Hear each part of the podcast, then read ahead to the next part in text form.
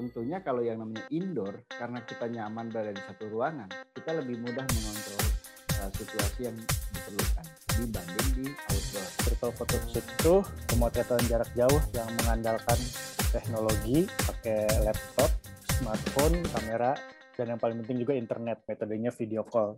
Jadi kali ini Keren melaksanakan seminar yang bertemakan virtual photography during pandemic. Nah, kita harus kenal dulu foto, eh, studio fotografi ini sebagai fungsi. Maka dia biasanya eh, tempat di mana kita memotret gitu ya. Nah, memotret apa? Maka di situ nanti dijadikan eh, satu subjek dari sebuah objek yang ingin kita bahas. Biasanya ada makhluk hidup atau benda mati. Nah, nanti kaitannya benda mati lebih kepada persoalan-persoalan atau makhluk hidup sendiri. Itu persoalan-persoalan biasanya berkaitan sama urusan produk.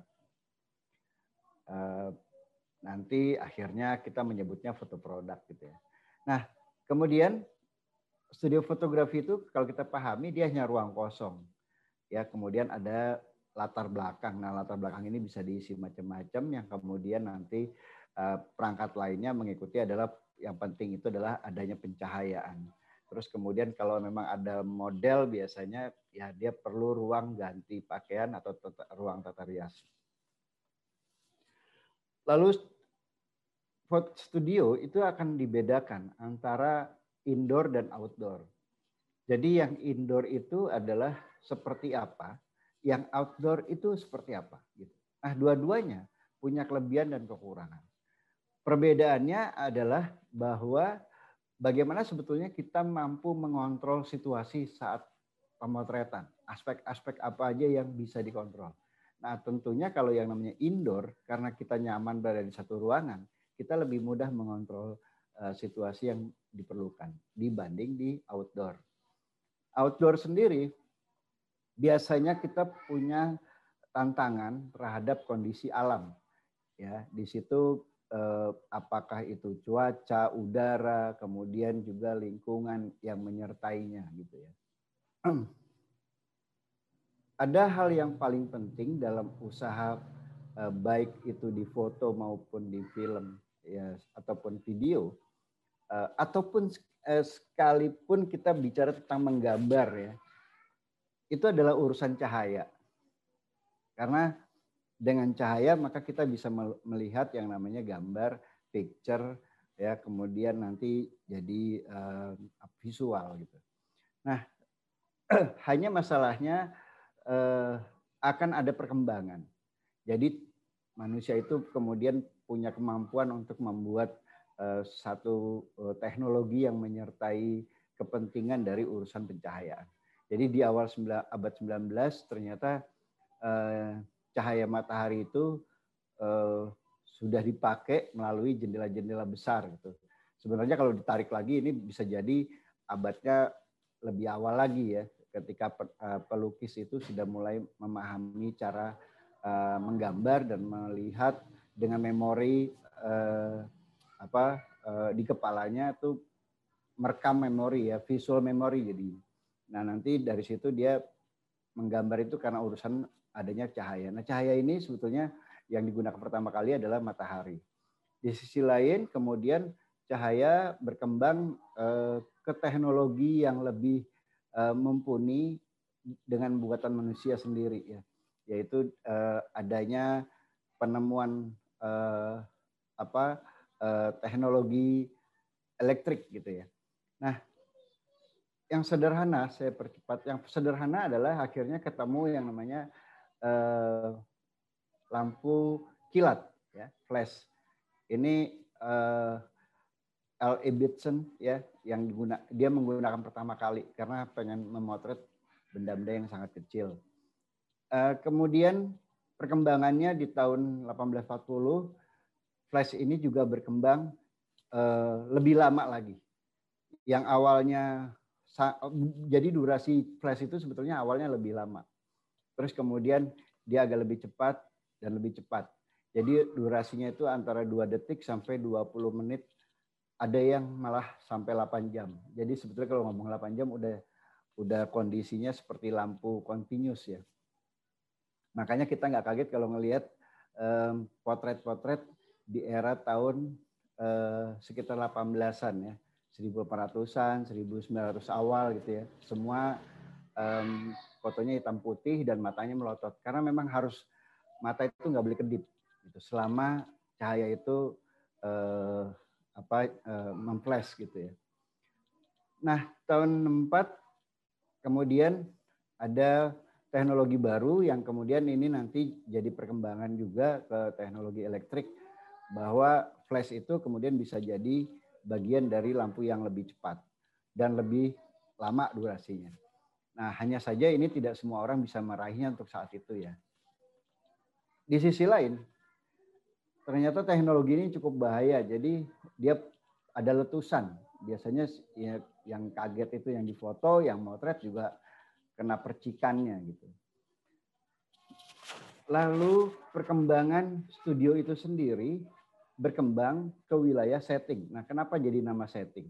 Karena ternyata um, ketika kita motret atau memvideokan atau memfilmkan sesuatu, ada kesadaran mungkin juga di luar kesadaran kita bahwa kita sedang bercerita.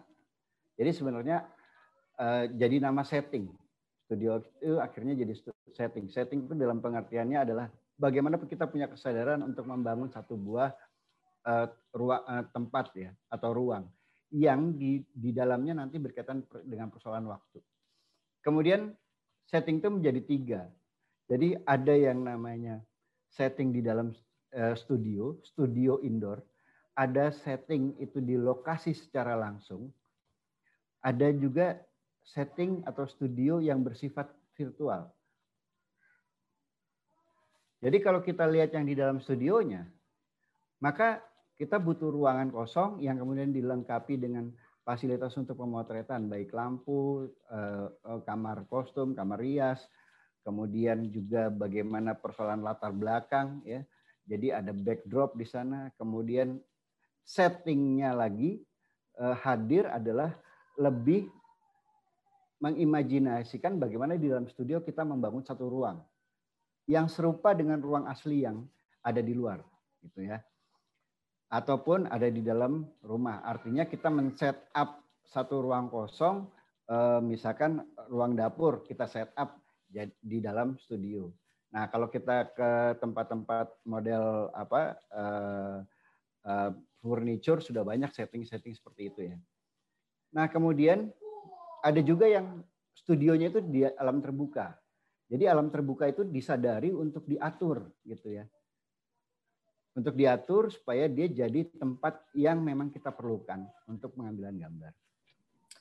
Jadi ini tadi sudah, nah ini virtual photoshoot. Tadi juga sudah sempat disinggung kan ya, virtual photoshoot itu uh, pemotretan jarak jauh yang mengandalkan teknologi, uh, pakai laptop, smartphone, kamera, dan yang paling penting juga internet gitu. Metodenya video call. Kira-kira penampakannya gitu yang bisa mungkin saya tunjukin ya kira-kira seperti ini uh, looknya gitu hasilnya jadi uh, karena kebanyakan foto biasa juga bentuknya memanjang vertikal gitu. Jadi uh, lebih enak gitu biasanya memang formatnya seperti ini vertikal. Karena kalau dia horizontal itu selain kecil dan juga hmm, agak sulit kali ya. Kalau untuk mengatur banyak ruang kosong perlu effort lagi. Kecuali memang uh, dibutuhkan seperti itu gitu untuk setnya. Nah terusnya nih alat-alatnya tadi udah saya sampaikan juga uh, sederhana sesungguhnya uh, laptop, kamera, uh, koneksi internet untuk melakukan video call dengan berbagai aplikasi Skype, Zoom, FaceTime, Google Meet dan Eh, banyak lainnya gitu ya. Dan untuk di sana modelnya gitu yang akan kita foto dia hanya cuma membutuhkan smartphone atau uh, apa namanya gawai perangkat yang uh, bisa mengambil kamera mungkin kayak tab gitu juga bisa dan juga mungkin tripod uh, supaya stabil nggak goyang gambarnya nggak blurry gitu.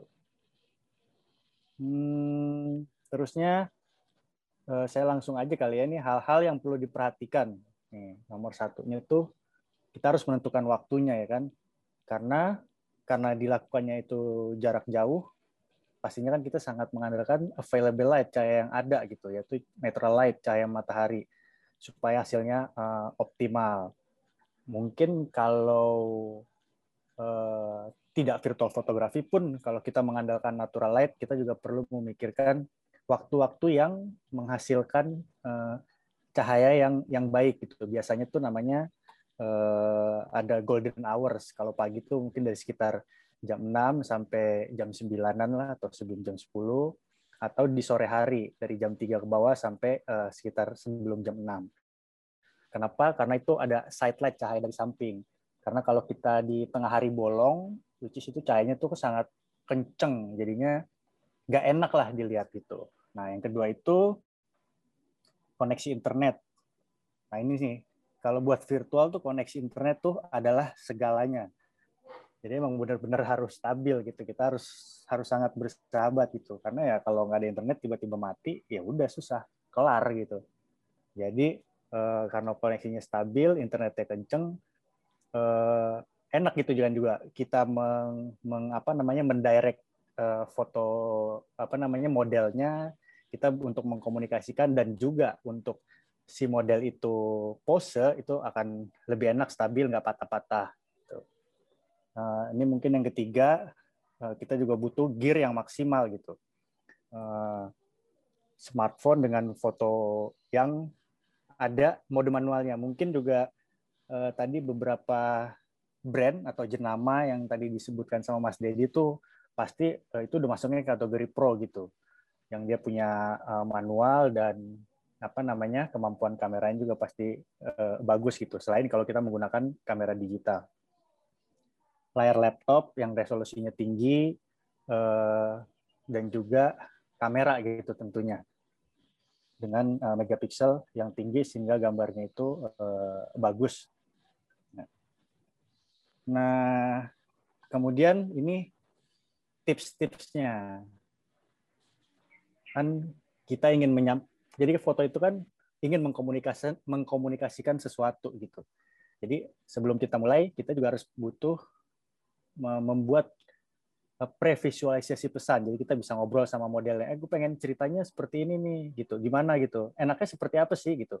Jadi kita udah punya gambaran kita mau uh, bikin apa untuk menyampaikan apa gitu. Nah ini kan uh, termasuk juga ini kan ada cerita tentang seseorang gitu kan. Walaupun untuk virtual photoshoot juga tidak memungkinkan ada dua tiga orang gitu. Tapi intinya tuh kita sudah uh, punya sesuatu gitu yang ingin disampaikan sebelum uh, kita mulai memotret.